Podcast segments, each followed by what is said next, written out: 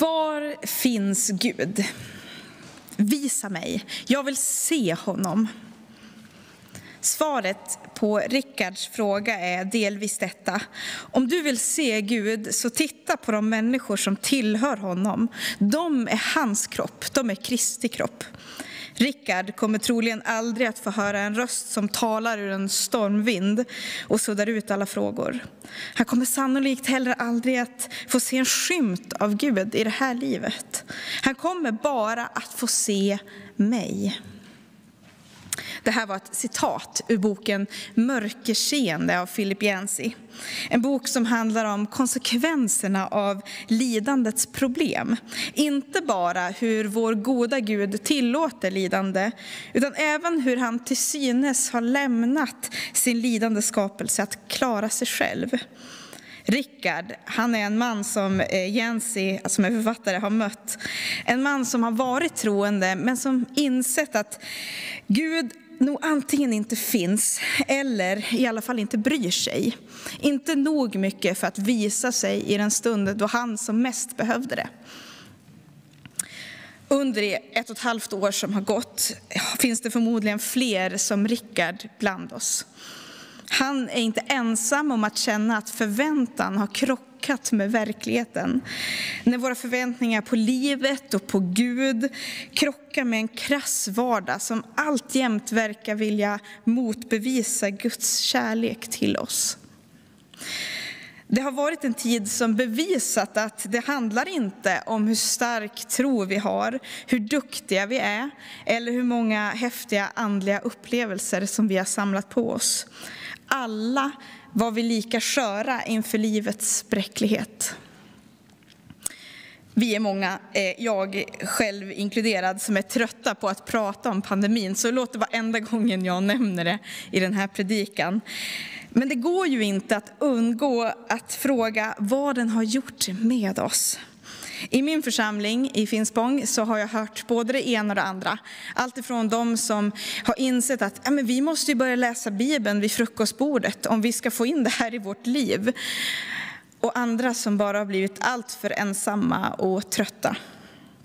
Det har varit tufft och många kanske ställer sig frågan om var finns Gud mitt i eländet?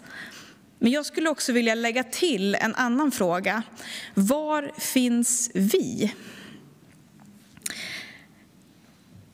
Ni ska få följa med mig till Johannes evangeliets femtonde kapitel, verserna 1-17.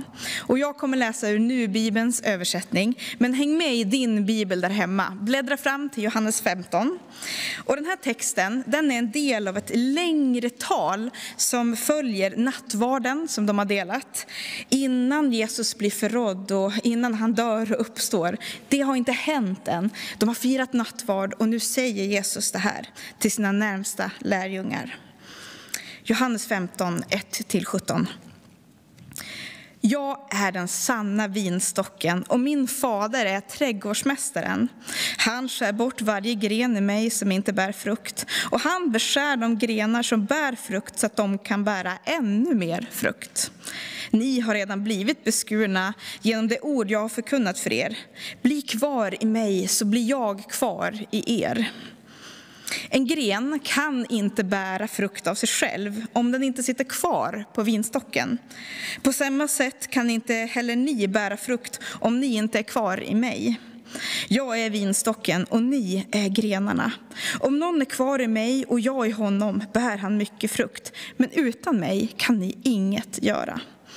Den som inte är kvar i mig blir bortkastad som en gren och vissnar. De ska samlas ihop och kastas i elden och brännas upp. Men om ni är kvar i mig och mitt ord är kvar i er, så be om vad ni vill och ni ska få det. Därigenom blir min fader förhärligad för att ni bär mycket frukt och blir mina lärjungar. Så som Fadern har älskat mig har jag älskat er. Bli kvar i min kärlek. Om ni lyder mina bud är ni kvar i min kärlek, på samma sätt som jag har hållit min faders bud och är kvar i hans kärlek. Och det här har jag sagt till er för att min glädje ska vara i er, så att er glädje blir fullkomlig. Och detta är mitt bud, att ni ska älska varandra på samma sätt som jag har älskat er. Det finns ingen större kärlek än att man offrar sitt liv för sina vänner. Ni, mina vänner, ni är mina vänner om ni gör det jag befaller er. Jag kallar er inte längre tjänare, för en tjänare vet inte vad hans herre gör. Jag kallar er vänner, för jag har låtit er veta allt som jag har hört av min fader. Ni valde inte mig, utan jag har valt ut er till att gå ut och bära frukt som består. Då ska Fadern ge er vad ni än ber om i mitt namn. Detta är vad jag befaller er, att ni ska älska varandra. Jesus säger alltså det här precis innan en av de allra värsta nätterna i lärjungarnas liv. Bli kvar i mig, fortsätt leva nära mig. Och jag tänker mig att för lärjungarna i den här stunden så är det ganska självklart. Alltså, de har ju liksom ställt sina liv på ända för att få vara med Jesus. Och de kommer inte lämna honom i första taget. De har ju både fått se hur andras och deras egna liv förändras vart Jesus än har gått fram. Men de har också blivit hånade och de har fått förstå att det kunde vara riskfyllt att vara med Jesus. Men där och då, när de har tågat in i Jerusalem och känt hur luften darrat när folket ropar Hosianna när Jesus går förbi. Då var det nog inte så svårt att se sig själv sida vid sida med Jesus för resten av deras liv. Lite som det kan kännas för oss när vi har varit med om någonting stort tillsammans med Gud. Kanske att vi har fått något profetiskt tilltal eller fått helas eller se någon bli helad, se liv förändras. I sådana stunder så är höga bekännelser och inte svåra att vare sig uttala eller att leva med. Det är snarare när saker faller samman, när livet inte blir som vi hade förväntat oss, som det blir svårare. Bli kvar i mig. Var är Gud i lidandet? Var är vi? Uppmaningen som Jesus ger sina lärjungar är att älska varandra och följa de bud, den undervisning som Jesus hade gett dem. Och märk väl att det är när lärjungarna är i det här ruset i glädjen och förväntan som de får den här undervisningen. Jesus han kokar också ner sitt budskap liksom till tre meningar på slutet. Ni valde inte mig, utan jag har valt er till att gå ut och bära frukt som består. Då ska Fadern ge er vad ni än ber om i mitt namn. Det här är vad jag befaller er, att ni ska älska varandra. De får veta, och vi får veta, att vi har blivit valda. Genom utväljelsen så kan vi få bära frukt som består. Och vad är vår frukt? Jo, genom att den kärlek som Fadern har älskat Sonen med och som Sonen älskat oss med kan vi få älska varandra. Men vad har det med lidandet att göra? Jesus ger lärjungarna de här orden och den här befallningen inför den tid som de kommer behöva det allra mest. De kommer att gömma sig, de kommer att förneka honom, riskera sina liv för att de har känt honom. Därför måste de minnas och leva i den här sanningen. Inte att vi älskat, inte att vi valt, inte att vi var sådana som vad det nu kan vara utan för att han har valt oss. Och han säger, älska varandra som jag har älskat er. Bli kvar i mig. Jesus säger, håll ut. Ord som vi har slitits med. Håll i, håll ut. Men vad är det som skiljer Jesu uppmaning från de svenska myndigheternas uppmaning? När Jesus säger till oss, håll ut är han inte förmäten, utan han har förståelse för våra känslor och våra omständigheter. När Jesus säger älska varandra så är det för att han vet hur det slutar. Han har slutet i sin hand.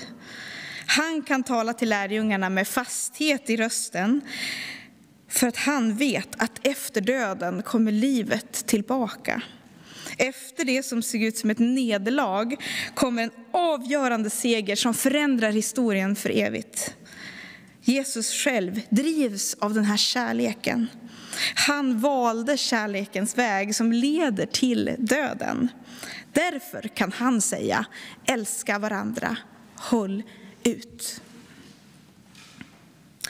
När Jesus säger bli kvar i mig, älska varandra, ger han oss verktyg för att klara av väntan. För att klara av ovissheten och mörkret i våra liv. Till lärjungarna och till dig och till mig för att vi ska få någonting som ger oss tålamod. För tålamod, det tror jag, att det är inte bara att stå ut, att lära sig att stå fast och stilla.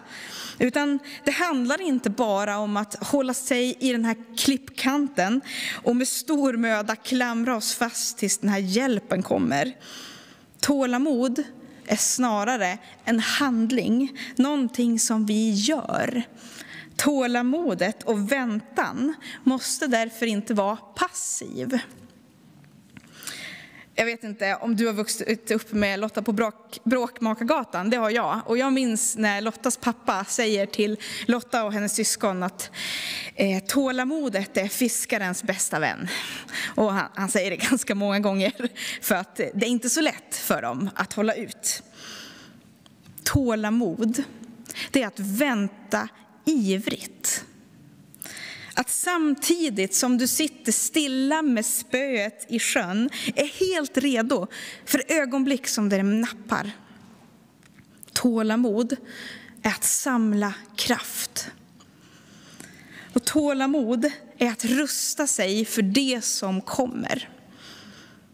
Var är Gud i lidandet? Bibeln lär oss att ibland är Gud tyst Ibland gråter han, ibland vredgas han, ibland svarar han. Jag vet inte varför Gud handlar som han gör. Det vet bara Gud. Men en sak vet jag, att han har inte lämnat oss i lidandet. Han har inte övergivit oss, han har inte glömt oss. Han älskar oss och har bevisat det om och om och om igen i historien.